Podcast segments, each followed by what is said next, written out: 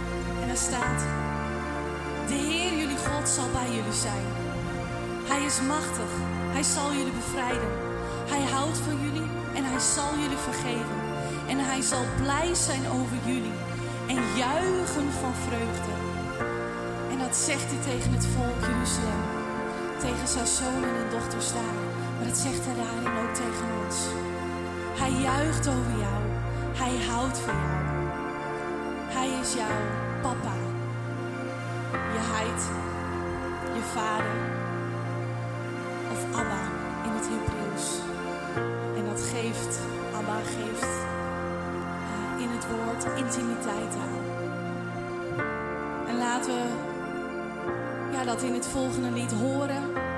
Of als je hem kent, zingen mee. Dat hij je vader is die er voor jou is en die van jou houdt.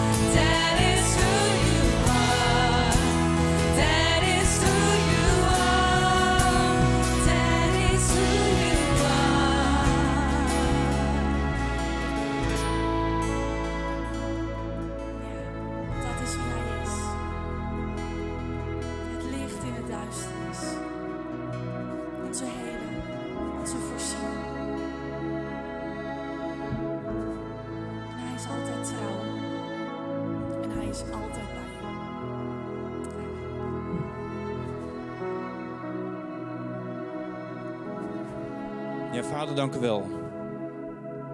Heer, we hebben het uitgesproken en ja, kan nam ons daar geweldig in mee. Dat eh, wie u bent, hoe goed u bent. En Heer, daar willen we u voor bedanken. Dank u dat we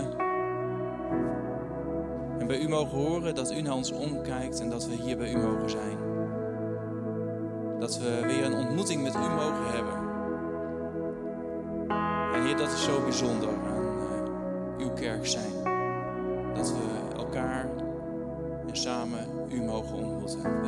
deze dienst ook voor gebruiken. Op de plek waar we zijn. Of we nou hier in de zaal zitten. Of thuis. Of op de camping. Of eh, als Nana aan het wandelen is. Hier wilt u eh, erbij zijn. Wilt u ons hart aanraken, ons veranderen. En tot uw doel komen met ons leven. Amen. Ja, welkom allemaal. Het is goed om elkaar te ontmoeten. Steeds meer hier in de zaal. Het is echt een feest om hier te staan. Even, ik sta hier al een anderhalf jaar wel eens. En hoe voller de zaal is, hoe blijer ik word. Fijn om jullie te zien. Ook eh, mensen thuis, mensen op de camping. Er zitten in Zeeland. Eh, uh, Jelm en Eva die zaten in, zitten in België. Met droge voeten gelukkig. En zo echt. Oh, het woord, eh, straks de preek en de muziek schalt over campings door heel Europa. Hoe mooi is dat? fijn om hier te zijn. Ehm, wat heel erg belangrijk vinden om samen de verbondenheid te zoeken en samen te bidden en te danken. Uh, mensen hier in de zaal mogen een gebedskaartje invullen. Het ligt uh, op naast, de stoel naast je. Uh, straks als de collecte opgehaald wordt, kan die daarbij in. gebedspunten, dankpunten, vul ze in. Dan kunnen we daar samen voor bidden. Dat vinden we heel belangrijk. Als je online meekijkt, vul eventjes het formuliertje in op clcleeuwarden.nl slash gebed. En dan nemen we die punten ook mee. Dat vinden we zo belangrijk. Wat ook uh, ja, belangrijk is, het, het, is ondergeschikt, maar wel belangrijk is het geven. Uh, want daarmee kunnen wij God groot maken, mensen bereiken. Dus ook uh, op de stoel naast je ligt een machtingskaart, die kan je invullen. straks komt een mandje hier langs, daar kan je ook je contante geld in kwijt. En online kun je naar de website, je kunt de QR-code scannen. Het, maak het zo makkelijk mogelijk, maar maak er gebruik van, zodat wij samen met z'n allen Gods woord, Gods koninkrijk verder kunnen verspreiden en het goede nieuws uh, kunnen brengen aan de wereld. Ja, als we toch over goed nieuws hebben, uh, overmorgen, dinsdag, gaan Vincent en Sharon trouwen. Vincent Zelstra en Sharon Meelal. Uh, velen van ons kennen ze. Sharon al helemaal met generaties voor haar die hier ook in de kerk komen. Die gaan dinsdag trouwen. Nicola gaat het huwelijk inzegenen. En uh, we hopen voor ze dat ze een fantastische dag hebben. Een begin van een mooi leven samen met elkaar, samen met God. Ben je nieuw hier in de zaal of thuis, uh, of waar je ook bent achter het scherm? Laat het even weten op clcleeuwarden.nl slash nieuw. Dan kunnen we contact met je opnemen. We hebben een welkomstpakketje voor je. Die willen we graag bij je langsbrengen. Of als je dat liever hebt, dan laten we hem bezorgen. Want we willen graag in contact met je komen en je verder helpen. In je volgende stap. Er is altijd een volgende stap in je geloof in het leven met de Heer. Daar willen we je graag bij helpen. Uh, vorige week hebben we de challenge gezien uh, waar Erika uh, haar Bijbelvers deelde en ze daagde Monique uit. Dus we gaan nu kijken naar de Bijbelvers challenge van Monique. veel plezier ermee en daarna zal hier in de zaal de collecte opgehaald worden. Meerdere. Maar één tekst die elke keer wel in mijn eigen leven terugkomt is Hebreeën 13, vers 5 en 6. Laat uw wijze van doen onbaatzuchtig zijn. Wees tevreden met wat gij hebt. Want hij heeft gezegd: Ik zal u geen zins begeven, u geen zins verlaten. Daarom kunnen wij met vertrouwen zeggen: De Heer is mijn helper. Ik zal niet vrezen. Wat zou een mens mij doen? Nou, ik vind het gewoon een hele mooie, um, troostende gedachte ook. Dat ik weet dat God me niet boven vermogen zal uh, laten verzoeken. En dat God mij ook door wat dan ook er gebeurt in mijn leven, ik gewoon altijd op God mag vertrouwen en dat Hij me niet zal verlaten. En um, met God spring ik over bergen. En dat is natuurlijk heel makkelijk gezegd. En uh, soms ga je door periodes of die situaties heen in je leven.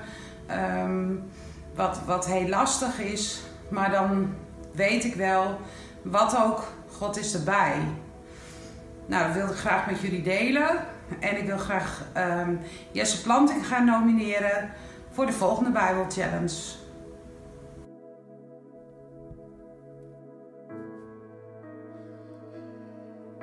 Ja, Goedemorgen, fijn dat jullie hier zijn, dat jullie kijken, meekijken.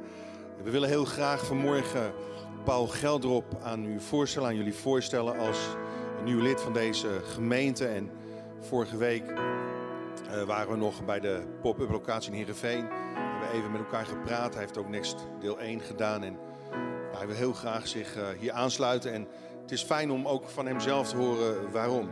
En misschien kun je daar kort even iets over zeggen, Paul.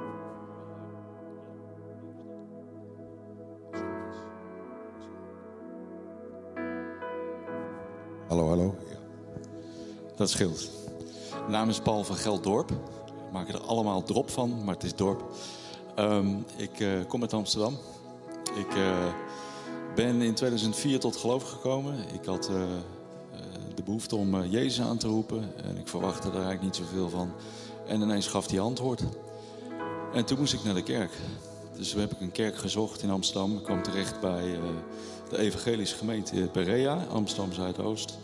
En daar heb ik eh, bijbelschool gevolgd, heb ik me laten dopen. En toen dat allemaal achter de rug was, toen verhuisden we naar Friesland. Daar woon ik nu met mijn zoontje van 13. En eh, ik heb daar de afgelopen jaren een protestantse kerk bezocht... totdat ik eh, hier in CLC terecht kwam, in Leeuwarden, bij een kerstdienst. Ja, dat was geweldig, volle zaal. De sfeer die ik herkende van eh, de tijd dat ik nog net tot geloof was gekomen. Ik denk, dat voelt goed, dan ga ik nog een paar keer kijken. En dat heb ik gedaan. En een paar weken geleden, nou, ik sprak eh, Nicola. Een paar weken geleden dacht ik, ga me toch maar... eh, misschien dat ik me toch maar even aan moet melden. En daarom sta ik hier. En ik, eh, het leuk om jullie allemaal te zien en ik hoop jullie ook allemaal te ontmoeten. Dankjewel. Ja, ik wil heel graag voor je bidden. Zullen we even gaan staan erbij? En eh, het is goed om uh, Gods zegen te ontvangen. Heere God, dank u wel. Heer, dat u ook Paul wil omringen, Heer, met uw liefde, met uw goedheid en genade. Heer, dank u wel dat hij ook hier ja, nieuwe mensen mag leren kennen. Heer, dat hij mag groeien in zijn geloof, versterkt mag worden in zijn geloof. En Heer, ik, ik bid dat hij ook een levende steen de bouw van een geestelijk huis zal worden. Heer, dank u wel, Heer. Heer, dat u, dat u hem altijd vasthoudt. En Heer, dat u hem vult met uw tegenwoordigheid. Heer, zal ik hem zegenen, ook in dit huis, in deze familie, Heer. Heer, dank u wel daarvoor dat hij zich thuis en welkom mag voelen. In Jezus machtige naam. Wees zo gezegend. Amen. God zegen.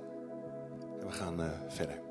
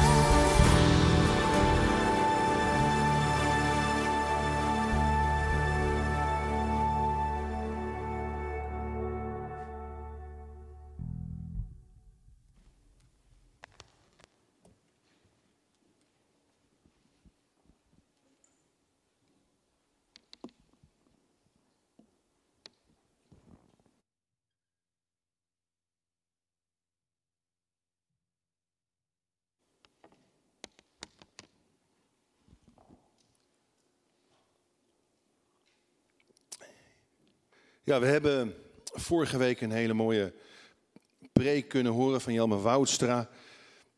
Dat ging over een, een vrouw die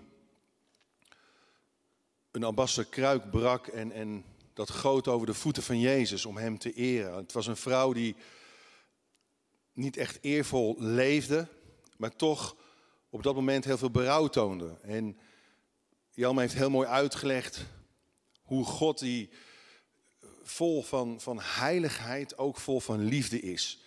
En je zou het ook, ook om kunnen draaien. God die vol liefde is, is tegelijkertijd ook vol heiligheid. En, en hoe gaan we daarmee om? Vanmorgen ga ik het ook hebben over een vrouw. En het thema is vastpinnen of vrijspreken. En ik hoop dat je even de tijd neemt, want als je thuis zit, neem gewoon even een bakje koffie erbij, een glaasje water, maakt niet uit. Maar het is interessant om, om het verhaal wat ik ga uh, voorlezen straks uit te gaan diepen. En er staan hele bijzondere details in waar ik niet aan voorbij wil gaan. Ik geloof dat we zijn geroepen om vrij te spreken, niet om vast te pinnen. Toch hebben we allemaal de neiging, ik ook van nature, om heel snel, heel makkelijk iemand vast te pinnen. Vast te pinnen op, op fouten, uh, vast te pinnen op gebreken, vast te pinnen op misschien zonde, ook uit het verleden. En, en we kunnen daarmee mensen gevangen houden. Terwijl ik denk dat we ook als kerk geroepen zijn om mensen vrij te spreken. En natuurlijk niet zonder meer, niet zonder voorbij aan de waarheid te gaan. En de vraag die ik ook wil stellen, die, wil, die ik wil neerleggen vanmorgen, is deze. Hoe toon je nu goedheid en genade aan mensen om je heen? Hoe kunnen we Gods hart openbaren, Gods hart laten zien aan mensen in onze leefomgeving? Het mag duidelijk zijn dat we geen genade kunnen tonen aan mensen door ze vast te pinnen op hun zonde, op hun verleden, op hun fouten. We tonen goedheid of genade door mensen met allereerst acceptatie te benaderen. Voordat we met de waarheid komen die natuurlijk vrij maakt.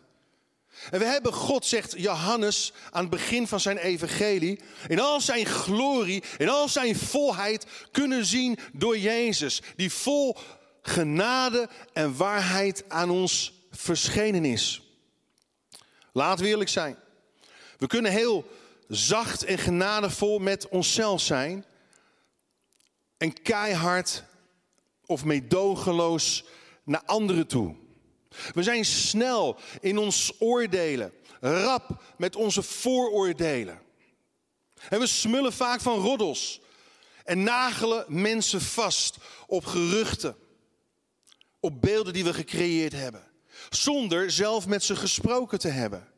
We horen iets en we nemen meteen dat voor waar aan, zonder zelf enig onderzoek gedaan te hebben, zonder de feiten te checken. Zonder te kijken of dat verhaal, of dat gerucht wel klopt.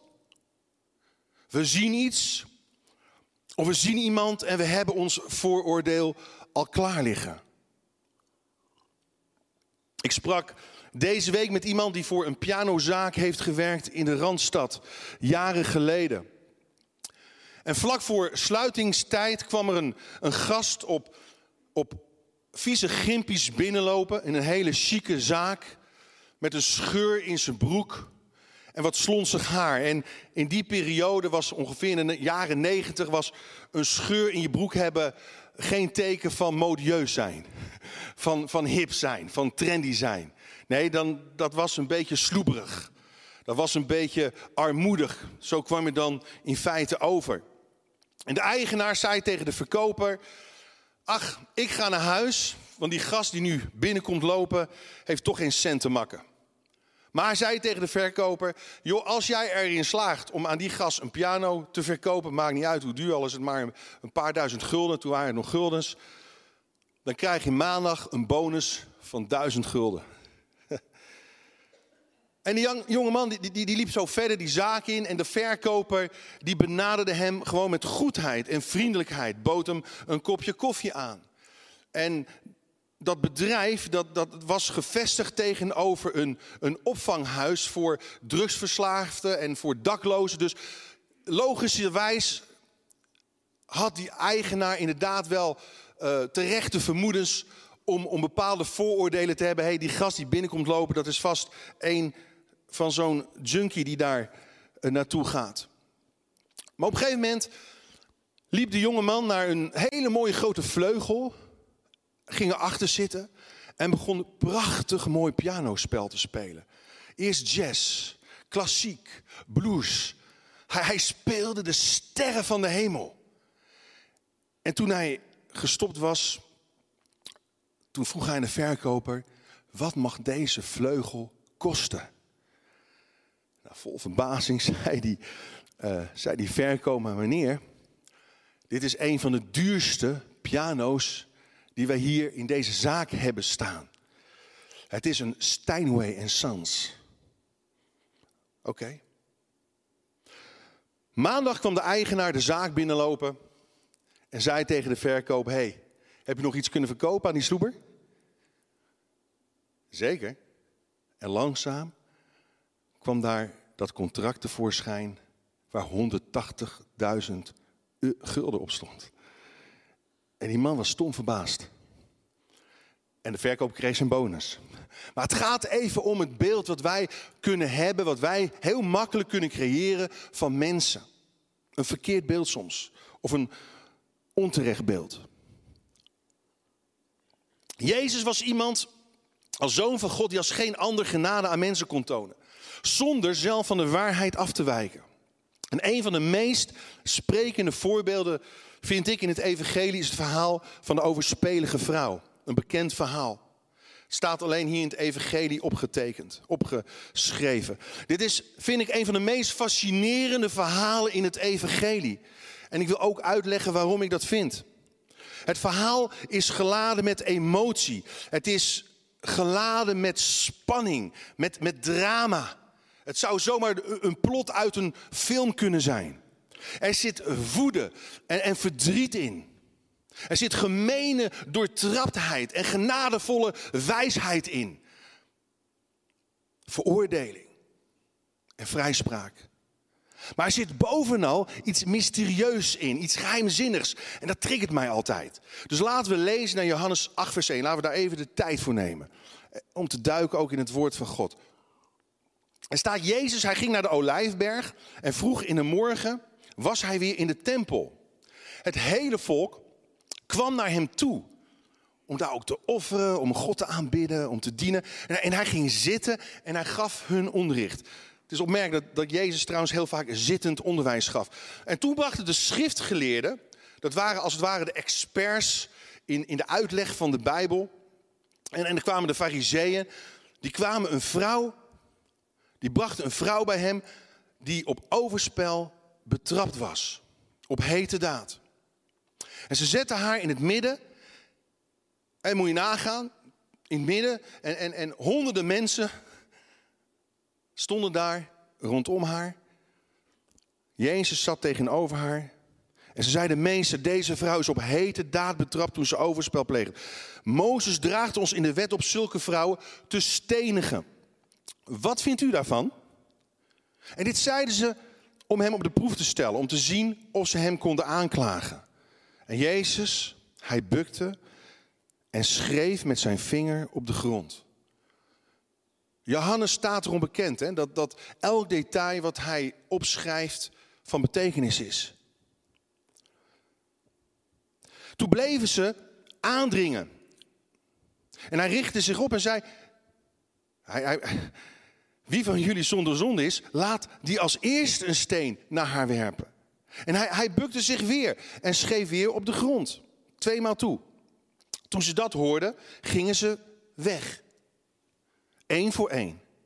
De oudsten het eerst en ze lieten hem alleen met de vrouw die in het midden stond. En Jezus richtte zich op en vroeg haar, waar zijn ze? Zie jij ze nog staan? Waar zijn ze? heeft niemand u veroordeeld? Niemand. Heer, zei ze. En Jezus zei, ik veroordeel u ook niet. Ga naar huis en zondig vanaf nu niet meer. Boeiend. Boeiend. De schriftgeleerden en de fariseeërs Het waren de, de godsdienstige uh, leiders in die tijd. Ze waren erop uit om Jezus eigenlijk in de val te lokken, om, om hem vast te pinnen op een niet uit te komen dilemma. En als leraar stelden ze hem op dramatische wijze een juridische kwestie voor. Een vraag waar Jezus gedwongen werd voor iedereen een heel duidelijk bijbels standpunt in te nemen. En laat willen zijn, ook, wij christenen vaak, wij, wij houden van bijbelse standpunten. Het moet duidelijk zijn. Maar er zat hier een addertje onder, de, onder het gras. Een vraag was namelijk niet geboren uit liefde voor de Torah, uit liefde voor de wet van God, maar uit haat tegen Jezus. En, en dan begint Jezus op die stoffige grond te schrijven. Hij, hij bukt zich, hij keert zich van hen af. En ik zal je eerlijk zeggen, tot op vandaag de dag houden theologen en exegeten bezig over de vraag wat dit betekent, wat dit inhoudt. Waarom doet Jezus dat? En we breken ons hoofd over de betekenis van wat Jezus precies heeft opgeschreven. Op die grond, in dat zand. Dus wat schrijft hij op? Er zijn verschillende mogelijkheden, verschillende interpretaties. Maar het doel nogmaals van de schriftgeleerden was om hem op de proef te stellen.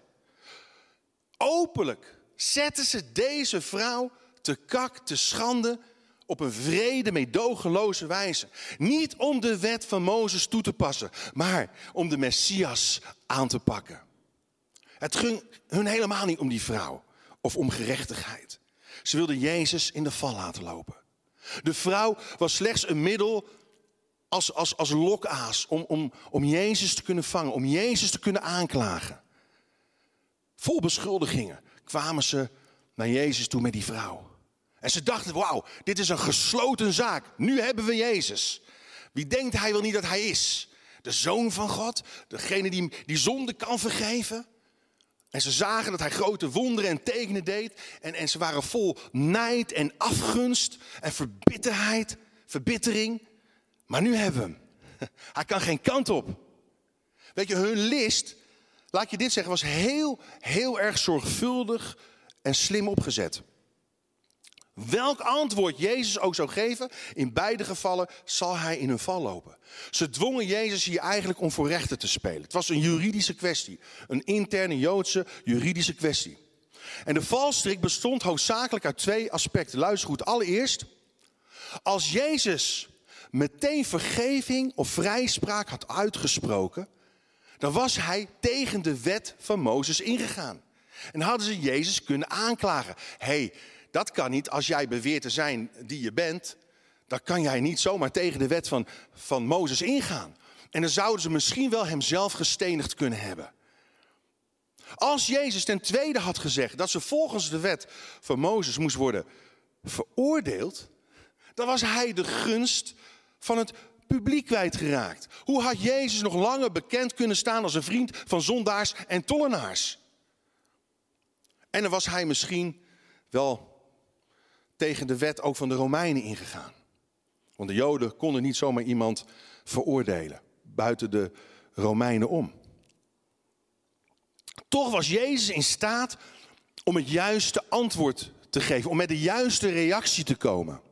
Hij laat in het heetst van de strijd zien hoe mensen door jou en mij, door ons heen, alsnog genade en ervaren kunnen ervaren. Ondanks allerlei beschuldigingen, verwijten en, en, en aanklachten. Mensen die misschien wel zijn vastgepind op allerlei oordelen en meningen van anderen. Mensen ervaren genade en vrijheid. Wanneer? Wanneer? Lees mee. Wanneer ik mijn mening ondergeschikt maak aan de waarde die God aan elk mens heeft toegeschreven. Wanneer ik mijn mening ondergeschikt maak. Ook al is het een hele redelijke theologische mening. Bijbelse mening. Deze vrouw wordt dus op hete daad betrapt. Waarschijnlijk had ze ook weinig kleren aan toen ze daar in het midden gesmeten werd, gebracht werd. Voor alle mensen. En ze wordt dus in het midden van een volksmenigte voor Jezus te kak, te schande gezet. Stel je voor, stel je voor dat je diepste geheime zonde op dit moment voor iedereen hier zichtbaar werd op het scherm. Hoe zou je dan voelen? Vernederd, vol schaamte. Ze was ook nog vol angst omdat ze wist, hey, de doodstraf staat nu misschien wel op mij te wachten.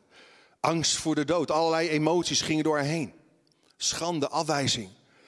En, en wat ze had gedaan was onherroepelijk fout. Laat ik daar duidelijk over zijn. Er stond inderdaad de doodstraf op. En dan wordt Jezus' mening gevraagd: wat vindt u? Lees mee, Johannes 8, vers 3 in een andere vertaling. Ze kwamen dus de schriftgeleerde farisee aanzetten met een vrouw die betrapt was op echtbreuk. Ze brachten haar voor Jezus en zeiden: Mozes heeft ons in de wet voorgeschreven zulke vrouwen te stenigen. Hoe staat u daar tegenover? Hoe staat u daar tegenover? Nou, Jezus, hij kwam de wet niet verbreken. Dat staat heel duidelijk in de schrift. Hij kwam de wet vervullen. Omdat hij gekomen is om de eis van de wet die ons veroordeelt voor allerlei zonden, om die zelf te gaan dragen aan het kruis. En hij is hier eigenlijk op weg richting het kruis. Het zou niet lang meer duren voordat hij gekruisigd gaat worden. En hij weet dat overspel of welke zonde dan ook leidt tot de dood. En dat betekent bijbels gezien relatiebreuk met God. Dus hij keurt zonde niet goed. En zijn mening of oordeel, zegt hij zelf, is goed en rechtvaardig. Toch maakt hij ter wille van de waarde die hij aan die vrouw hecht, zijn mening ondergeschikt zondig, maar waardevol genoeg om voor haar straks te gaan sterven. Waardevol genoeg om haar en jou en mij nog een kans te geven. En we lezen in Johannes 1, vers 17, datzelfde evangelie, uit zijn overvloed zijn wij allen met goedheid overstelpt, overweldigd. De wet is door Mozes gegeven. En die is goed, rechtvaardig en heilig. Maar goedheid en waarheid zijn met Jezus Christus gekomen. En, en dat heeft te maken met een innerlijke vrijheid die we kunnen gaan ervaren. Als we in relatie met Hem gaan stappen. Johannes zegt, niemand heeft ooit God gezien. Maar de enige zoon, die zelf God is, die aan het hart van de Vader, van Abba, rust, daar hebben we het over gezongen, heeft Hem doen kennen. Dus als wij willen dat mensen door ons heen genade gaan ervaren, dan moeten we bereid zijn om voorbij hun omstandigheden te kijken.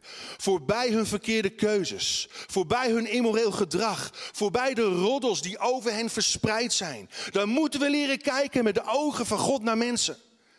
Naar de waarde die Hij aan hen heeft toegeschreven, ondanks hun schande.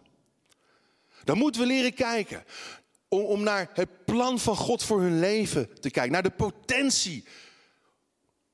Hoe ze kunnen gaan worden. Niet naar de problemen waar ze in zitten. En dat is lastig. Want we hebben een mening. We hebben een mening. We hebben allemaal mening. Meningen, meningen, meningen. Wat een meningen. Een land vol meningen. Jezus had ook een mening. Een hele duidelijke. Weet je, onze mening kan soms echt een obstakel zijn om voorbij de huidige situatie van iemand te kijken. En om iemand vast te pinnen en vast te houden. Vast te nagelen. We kijken vaak naar de buitenkant. Hoe ziet iemand eruit? Wat voor indruk? Wat voor kleding heeft hij of zij aan? Hoe, hoe komt iemand over op het eerste gezicht? En we laten onze mening ook vaak bepalen door de, mening van, van wat we horen in de media, door de massa, mensen om ons heen. Maar Jezus, hij liet zich niet vangen door de hype van de massa. Door de beschuldigingen en, en aanklachten van, van de fariseeën en de schriftgeleerden. Hij laat zich niet afleiden door wat natuurlijke ogen kunnen zien. Hij kijkt voorbij, hij ziet verder, hij ziet dieper. Van hé, hey, waar komt die pijn vandaan bij die vrouw? Hoe komt het dat die persoon zulke keuzes heeft gemaakt? Die uiteindelijk zelfvernietigend zijn. Wat is er gezegd in haar leven tegen haar? Waarom ze zich nu zo gedraagt? Wat heeft ze meegemaakt? Hoe is ze behandeld? Waarom voelt die persoon zich zo eenzaam of zo depri? Weet je, Jezus keek verder en hij daagt ons ook uit. Als wij genade willen tonen aan mensen om ons heen, om verder te kijken dan de buitenkant. Om tot de binnenkant door te dringen. Toen de profeet Samuel een koning moest uitkiezen, moest ook zijn mening ondergeschikt gemaakt worden aan een diepere laag, die met natuurlijke ogen niet gezien kon worden, maar die God wel zag. Hij moest niet afgaan op het voorkomen of de reizige gestalte van de zeven zonen van Isaïe. Hoe groot, hoe mooi en hoe sterk ze er ook uitzagen. God, hij wees de jongste aan, die niet eens in beeld was. Haal David bij die schapen vandaan, want dat is de koning. Die moet je gaan zalven. En er staat 1 Samuel 16 vers 7, lees mee. De Heer zei tegen Samuel, ga niet af op zijn voorkomen. Ik heb hem afgewezen. Hij had het toen over de oudste zoon. Het gaat niet om wat de mens ziet. De mens kijkt naar het uiterlijk, maar de Heer kijkt naar het hart. En ik zeg niet dat uiterlijke dingen verkeerd zijn. Begrijp me niet verkeerd. Maar het gaat erom dat we verder moeten kijken. Verder moeten zien. We oordelen zo snel en makkelijk over andere mensen. Waardoor we geen genade kunnen laten zien. Waardoor mensen zich misschien nog meer afgewezen voelen. Nog, nog meer vernederd. Weet je, we oordelen vaak naar uiterlijk aanzien, dus oppervlakkig, met menselijke maatstaven. Maar ook even over onszelf. We kunnen ook onszelf genadeloos behandelen. We kunnen ook voor onszelf soms keihard zijn, onszelf veroordelen. We stellen zelf allerlei voorwaarden aan Gods genade voor ons leven. En we pinnen ons soms vast op fouten die we gemaakt hebben, op verkeerde keuzes in het verleden, of gemiste kansen. Maar Jezus, Hij wil ons vandaag vrij spreken. Hij wil ons in de vrijheid brengen. En natuurlijk zal Jezus terugkomen om te oordelen. Maar nu is Hij aanwezig om mensen te redden van het oordeel. En even later in de directe context van dit verhaal zei Jezus, Johannes 8, vers 15, U oordeelt met menselijke maatstaven. Maar ik oordeel over niemand. En wanneer ik toch een oordeel vel, is mijn oordeel betrouwbaar. Omdat ik niet alleen ben, maar samen met de Vader die mij gezonden hebt. Zorg ervoor dat je mening ondergeschikt is aan de waarde die mensen van God hebben ontvangen. En de potentie die God in hen heeft gelegd. Dan ten tweede, mijn handen. Mensen ervaren genade wanneer ik mijn handen door het stof laat gaan en barmhartigheid laat spreken. Want barmhartigheid roemt tegen het oordeel staat er in de Bijbel. En om barmhartig te kunnen zijn, moet ik soms mijn oordeel inslikken. Ook al heb ik gelijk. Ook al sta ik in mijn recht. Niet dat we niet mogen oordelen. Niet dat we niet mogen beoordelen. Maar hoe doen we dat? Wanneer doen we dat? En waarom willen we dat? Doen we dat om ons gelijk te halen? Doen we dat om onze gevoelens van afgunst te sussen? Doen we dat om ons beter dan de ander te voelen? Of omdat we niet om kunnen gaan met de genade van God. En toen zij hem dit bleven vragen, Johannes 8, vers 7, richtte hij zich op en zei tegen hen: Wie van u zonder zonde is, laat die als eerste de steen op haar werpen. En opnieuw bukte hij en schreef in de aarde. Maar toen zij dit hoorden en in hun geweten overtuigd waren, gingen zij weg, de een naar de ander. En Jezus werd alleen achtergelaten. En de vrouw die in het midden stond. Weet je, Jezus houdt van beide. Hij houdt van die vrouw, als wel als van die aanklagers. En wat Jezus doet is eigenlijk heel bijzonder. Hij had mee kunnen gaan in de emotie. Hij had zijn stem ook mee kunnen verheffen. In de emotie van het moment. Weet je, soms gebeurt dat. Dan begint iemand te schreeuwen en dan gaat iemand anders nog harder schreeuwen en nog harder. Hij had in de woede en de haat van de fariseeërs mee kunnen gaan. Want luister, als er iemand is die de zonde haat, dan is dat degene die zonder zonde is. Dat is hij zelf. Maar wat doet hij? Hij distancieert zich. Hij sluit zich af van alle verwijten, van alle beschuldigingen en van alle aanklachten. Hij bukt zich voorover en schrijft in de grond. Hij maakt zijn handen vies. Hij maakt zijn handen vies. Hoe zit het met jou? Ben jij bereid om je handen vies te maken? Om je handen in het stof te doen, zodat mensen vrijheid kunnen ervaren. Zodat mensen genade kunnen zien. Voor wie wil jij je handen vies maken deze week, deze maand? Voor wie wil jij door het stof gaan? Schrijf misschien op dit moment een naam op die in jouw omgeving genade nodig heeft. En laat dat deze week concreet zien. Steek eens letterlijk in goedheid en genade je handen naar de ander uit. Maar de vraag blijft, wat schreef Jezus in de grond? Het is bijzonder, want, want niet voor niets zeg je, zegt Johannes dit, schrijft Johannes dit. Volgens wat de wet voorschrijft, moet ze gestenigd worden. En Jezus begint te schrijven. Voorschrijven, schrijven. Er zijn vier mogelijke redenen waarom Jezus schreef.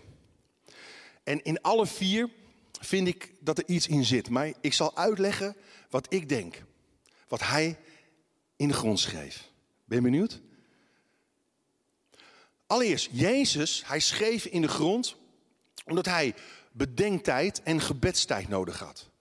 Om, om ja, het beste antwoord te kunnen geven.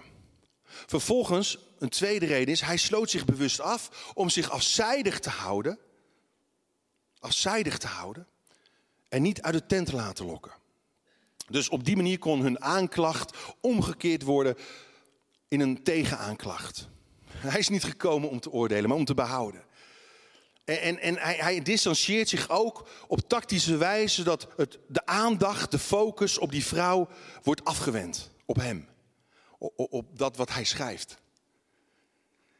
En dan vervolgens. Jezus, hij schreef in de aarde of op de stoffige grond, omdat hij de zonde van de aanklagers opschreef. En ik vind dat een hele aannemelijke theorie. Ik geloof dat. Hij kan namelijk verwijzen, lees mee naar Jeremia 17, vers 13, waar staat, waar hij kwam de wet en de, en de profeten vervullen. Waar staat, wie zich van mij afkeren, zullen in de aarde worden geschreven. Want zij hebben de bron van het levende water, de Here, verlaten. Ze zullen in de aarde worden geschreven. Er zijn trouwens ook twee oude manuscripten gevonden waar vermeld wordt dat Jezus de zonde van de aanklagers in de stof op de grond schreef. Maar wat ik heel belangrijk vind is het volgende argument. Hij begon te schrijven. In het Grieks, dat kun je ook meelezen, is het woordje voor schrijven. Volgende slide, als het goed is. Ja, is het woordje voor schrijven grafijn. Graveren hebben we eruit afgeleid. Maar hier wordt het woordje catagraphin gebruikt. Dus zeg het op zijn Frans, het is Grieks. Maar, maar dit kan vertaald worden als een verklaring tegen iemand opschrijven. Het woordje kata in het Grieks is ook tegen. Dus hij was niet aan het grafijn, hij was iets katagra, hij was iets tegen hen aan het schrijven. Het mooie is dat in Job 13, vers 26 het volgende staat. Daar staat, u schrijft, u schrijft bittere dingen tegen mij uit. En in de Griekse vertaling van het Hebreeuws, daar wordt ook het woordje katagrafijn neergezet. En, en het gaat dan over beschuldigingen. U schrijft bitter, u schrijft beschuldigende. In feite dus zou je heel goed kunnen zeggen dat Jezus niet zomaar wat aan het tekenen was, niet zomaar wat aan het schrijven. Hij was heel intentioneel, heel bewust iets aan het schrijven tegen hen. Een verklaring. Te en in lijn met wat er dus door Job en Jeremia wordt gezegd, zou Jezus heel goed hier dus hun zonde hebben opgetekend. Een verklaring waarin hij hen zelf beschuldigt. Hij houdt hun een spiegel voor. Hij confronteert hen met hun eigen zonde. Hun zonde van, van haat, hun zonde van lust, hun zonde van jaloezie, hun zonde van, van, van, van wrok. En misschien wel ook van dezelfde daad, overspel. Wie zonder zonde is, werpen de eerste steen. Hij had daarvoor nog gezegd, Jezus, in de bergreden, oordeel niet, lees mee over anderen. Dan zal God niet oordelen over u. Want God zal u op dezelfde manier beoordelen als waarop u anderen beoordeelt. Hij zal u meten met de maat waarmee u anderen meet. Eigenlijk zegt Jezus, oké dan. Jullie willen deze vrouw veroordelen. Jullie denken in jullie recht te staan. En jullie halen de wet van Mozes erbij. Wacht even. Ik sluit me daar volledig bij aan. Maar Hier komt het op neer. Dit is een eenzijdige toepassing van de wet van Mozes. En, en als ik kijk naar mezelf, naar ons christenen, hoe, hoe selectief gaan wij om met de Bijbel? Oh, dit komt mij wel uit, maar dat niet. Tiende geven? Nee, dat was voor de Joden, dat is niet voorbij. oh, wacht even. Ja, vergeven? 70 maal 7? Ja, dat is mooi. Dat is een mooie utopie. Nee. Dit is een eenzijdige toepassing, want diezelfde wet gebiedt dat bij het uitvoeren van een vonnis de getuigen, de aanklagers, het eerst hun hand tegen de veroordeelde moeten keren. Dus eigenlijk dwingt hij de aanklagers tot zelfonderzoek. Dus met andere woorden, wie van jullie heeft de, de moed om nu de eerste steen te, te pakken? En, en we kunnen met kleine stenen gaan gooien, met grote stenen, kies maar uit, pak maar, begin maar. Maar doe dat als jij zonder zonde bent. Wat is je intentie? Wat is je motivatie? Eigenlijk zegt hij, weet je, jullie misbruiken de schuld van een echtbreekster om de onschuldige aan te klagen. Om de Messias, de Zoon van God, aan te klagen. Hé, hey, wacht even, gaan jullie zelf nu niet tegen de wet van Mozes in? Door haatgevoelens te koesteren? Door valse beschuldigingen te uiten? Door moordplannen te beramen? Wie is zonder zonde? En het geweten begon te spreken, te beginnen bij de ouderen tot aan de jongeren toe. De stenen bleven op de grond liggen. Je kunt in je recht staan, luister goed. Je kunt gelijk hebben. Bijbels en ik weet niet wat allemaal. Een hele goede bijbelse overtuiging, maar toch door je houding, door je valse motieven, door je kwade, boze intenties volledig ongelijk hebben en volledig de plank misslaan. En zonder dat Jezus opkijkt, druipen ze allemaal af. Zwijgend verlaten ze de tempel, daarmee zichzelf veroordelend. Jezus, hij wil dat wij zijn genade, zijn goedheid tonen aan mensen om ons heen. Hoe ervaren mensen dat? Ten derde, mijn woorden. Wanneer ik mijn woorden in geloof richt op vrijspraak en een hoopvolle toekomst. We lezen verder. Jezus richtte zich op en vroeg haar, waar zijn ze gebleven? Heeft niemand u veroordeeld? Niemand, Heer, antwoordde ze. Ook ik veroordeel u niet. Ga maar zondag, zondig voortaan niet meer. Ga maar zondag voortaan niet meer. Jezus, hij veroordeelt haar niet. Dat wil niet zeggen, nogmaals, dat hij haar zonde goedkeurt. Dat hij haar zonde door de vingers ziet. Luister, Jelmer heeft het vorige week heel goed uitgelegd. De consequentie van zonde in onze relaties, in onze levens is verwoestend. God geeft ook om die reden duidelijke kaders aan op het gebied van, van seksualiteit. Om ons in onze relaties te beschermen. Maar Jezus, hij had ook een overstijgende blik. Hij keek voorbij de omstandigheden. Er overheen, er doorheen, naar de toekomst. Met hoop en met vertrouwen. Want in de indirecte context staat dit, Johannes 8, vers 12. Jezus nam opnieuw het woord. Hij zei, ik ben het licht. Dat zei vlak na dit verhaal. Ik ben het licht voor de wereld. Wie mij volgt, loopt nooit meer in de duisternis, maar heeft licht dat leven geeft. Dus als hij zegt, ga en zondig voortaan niet meer, dan zegt hij ook, volg mij. Want ik ben het licht. En als je mij volgt in het licht, dan ben je zelf in het licht. En dan ben je verlicht. En dan gaat de duisternis je leven verlaten. En terecht vroeg Jezus aan de vrouw, waar zijn ze gebleven? Waar zijn ze gebleven? Hij, hij had niet gezegd dat ze geen stenen mochten gooien. Alleen wie zonder zonde is, mag de eerste steen gooien. Ze zonden, nogmaals juridisch gezien, in hun recht om het te doen. Maar als ze het gedaan hadden, hadden ze ook zichzelf moeten stenigen. En dat is wat Jezus onderwijst. Gelijk hebben betekent niet dat je woorden en gedachten in lijn staan met Gods karakter. Met Gods barmhartigheid. Met wie Hij is. Matthäus 7, vers 3. Waarom kijkt u naar de splinter in het oog van een ander? Merkt u de balk niet op in uw eigen oog? Huigelaar die u bent. Verwijder die balk uit uw eigen oog. Dan ziet u pas scherp genoeg om de splinter uit het oog van de ander te halen. En, en ik, ik, ik stel me de vraag, waarom? Waarom geeft het ons zo'n voldoening? Om splinters uit het oog van anderen weg te halen. Laat me even je...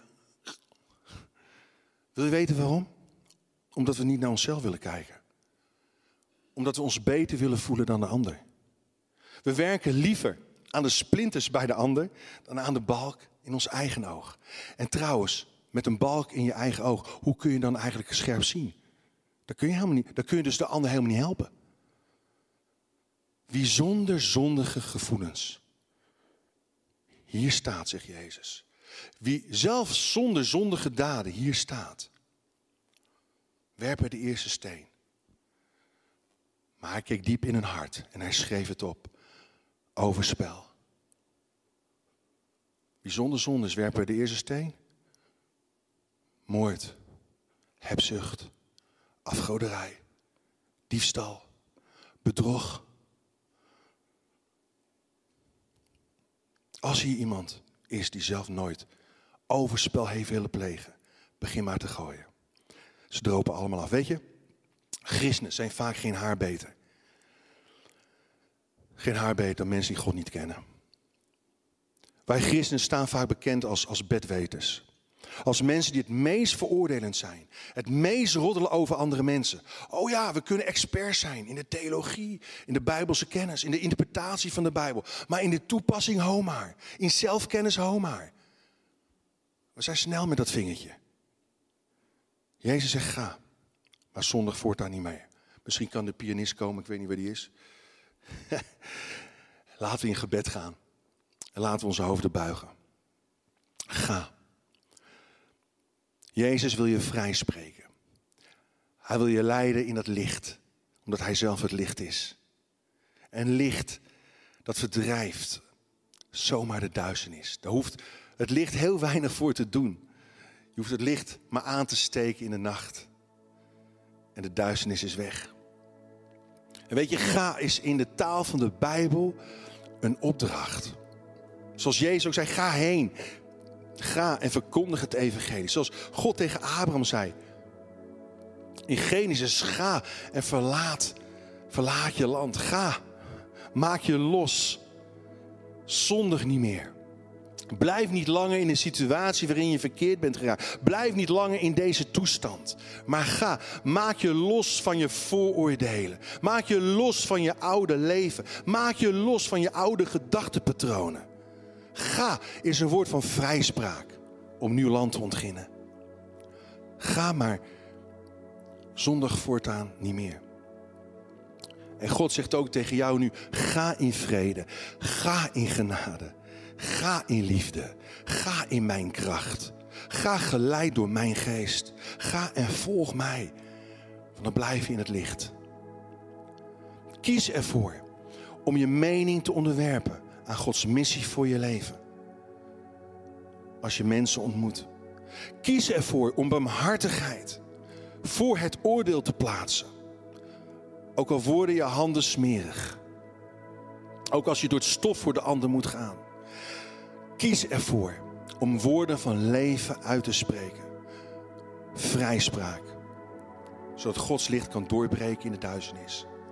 En we zijn geroepen om met elkaar dat licht hier op aarde te zijn. Om dat licht te laten schijnen. Vanuit die goedheid en die waarheid die in Jezus naar ons toe is gekomen. En als je een keuze op dit moment wil maken, misschien om Jezus te leren kennen, om Hem te gaan volgen. Voor het eerst, steek dan op dit moment, ook digitaal gezien, misschien je hand omhoog als je hier in de zaal zit. Steek mijn hand omhoog. Dank je wel. Dank je wel. Zijn er nog meer mensen? Als je Jezus wil volgen, in zijn licht wil gaan staan.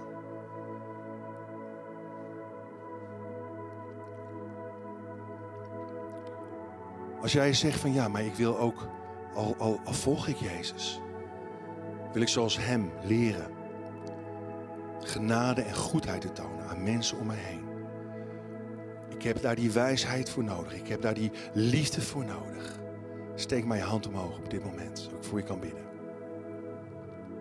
Heer, vergeef mij. Misschien zeg vergeef mij. Er zijn vele handen. Vergeef mij als ik zo veroordelend ben geweest.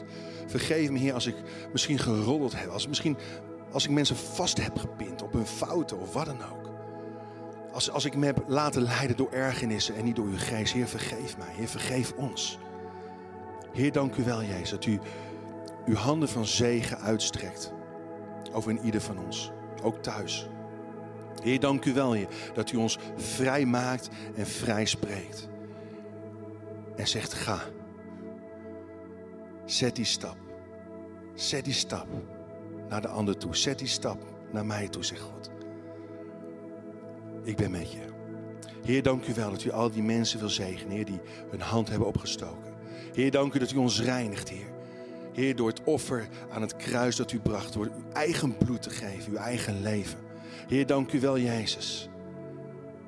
Heer, dat, dat in onze gedachten vernieuwd mogen worden. In onze houding mogen veranderen. Omdat we de barmhartigheid, de goedheid en genade van God geproefd hebben. En Heer, we mogen dat weer doorgeven. Heer, zegen zo in ieder in Jezus' machtige naam. Amen.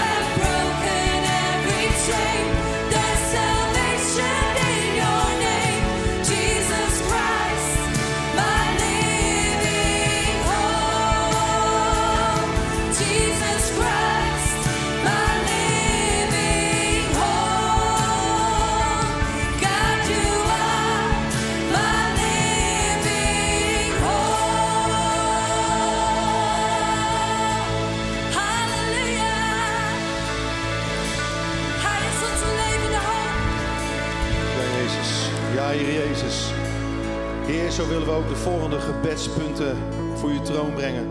Familie uh, Razai, we hebben na drie jaar verblijfsvergunning gekregen. We willen God hiervoor danken. Ja. Ook iemand vraagt hier gebed uh, voor de toets die nog gemaakt moet worden voor een nieuwe baan. En vraagt om, op wijsheid en Gods tegenwoordigheid bij dit traject. Gaan we zo. Uh, iemand vraagt ook, bid voor mijn schoonzus. Ze heeft afgelopen week een suïcidepoging gedaan. Is nu opgenomen, maar ziet geen uitweg. Er zal een wonder moeten gebeuren, een gebed. Ook voor mijn broer en kinderen die het nu heel zwaar hebben. Vrij ernstige situatie waar we ook voor in gebed gaan. En bid dat ik en ook vele anderen het diepere leven in en met Christus zullen vinden. En ook iemand die vraagt om gebed voor haar, haar rug, die ernstige rugklachten heeft en heel veel pijn heeft. Zullen we al die, deze zaken voor God brengen in gebed. Heer Jezus, dank u wel dat u bij machten bent, Heer, om eindig veel meer te doen. Wij bidden en beseffen. En als wij eenparig, Heer, dat geen verlangen, Heer. Heer, wat u wilt doen, wat u kunt doen. Heer, dan geloven we, Heer, dat u het gaat bewerken. Heer, dat u aan het werk gaat. Zo bid ik, Heer, voor de schoonzus van die persoon. Heer, dat, dat die wel een uitweg gaat, gaat zien, Heer. Heer, dat u zich gaat openbaren aan haar. Heer, dat, dat u komt met uw kracht, met uw glorie, Heer. Met het leven dat, ja, dat alles anders maakt. Heer, verlicht haar. Want u bent het licht in deze wereld. Schijn in haar duisternis ook op dit moment in de naam van Jezus. En Heer, we bidden om een wonder, Heer. We bidden voor dat gezin. Heer, we bidden voor haar broer en, en, en de kinderen. Heer, dank u Jezus dat u ze wil omringen met, met uw troost, uw nabijheid. Heer, zo danken we ook u voor de gebedsverhoring van uw familie, Heer, die na drie jaar een verblijfsvergunning heeft gekregen. Dank u wel, Heer. Dank u dat ze hier ook mogen zijn en welkom zijn. Ik bid voor degene die nog een toets moet doen, Heer, voor, een, ja, voor dat nieuwe werk, Heer, dat uh, voor hem of haar ligt. Heer, wilt u degene ook leiden, Heer God, en wijsheid geven. In Jezus' naam. En Heer, dank u wel, Heer, dat, dat mensen ook hier in onze gemeente meer en meer dat diepere leven gaan ervaren wat ze met u kunnen hebben. Heer, dank u Jezus dat we in u geborgen en verborgen zijn, in Christus zijn. Heer, in Christus zijn en blijven, in uw woord blijven. En het woord mogen blijven uitleven en uitdragen. Heer, dank u wel, Heer. Heer, dat u bij ieder van ons wil zijn. En ook bij degene die, die heftige rugklachten heeft, Heer. Heer, wilt u ook haar aanraken. In Jezus' naam. Heer, door uw striemen hebben we genezing ontvangen. Heer, u bent voor ons aan het kruis gegaan. Heer, wij konden onszelf niet, niet redden. Heer, wij, kunnen onszelf niet verlossen. Maar u kan het wel. U kan ons bevrijden. U kan ons genezen. Heer, zo spreek uw zegen over ieder van ons uit. In Jezus' naam. En ook na afloop van de dienst is er gelegenheid om koffie, thee te drinken. Ook buiten, ook in, uh, in de bovenzaal hebben we nu een heel mooi, daarnaast een heel mooi terras aangelegd. Kun je ook lekker genieten van het mooie weer. Maar neem ook gelegenheid, neem, maak gebruik van de gelegenheid om elkaar te ontmoeten, met elkaar te praten. En uh, ja, ik hoop jullie volgende week weer te zien. Dan gaat het over de diepere dimensie van de tweede mijl. Neem ook mensen mee als je denkt, hé, hey, dat is interessant. Hier wil ik meer over weten, samen met anderen. Ik hoop dat je volgende week ook weer hier bent. En anders online natuurlijk. Fijn dat je online betrokken bent, waar je ook bent. God zegen je. Ontvang zo Gods genade en zegen. Dat de genade van onze hemelse Vader, de liefde van Jezus Christus, zijn barmhartigheid, dat roem tegen het oordeel en zijn kracht, zijn, zijn heilige geest bij ieder van ons mogen zijn en blijven. In Jezus' naam. Amen.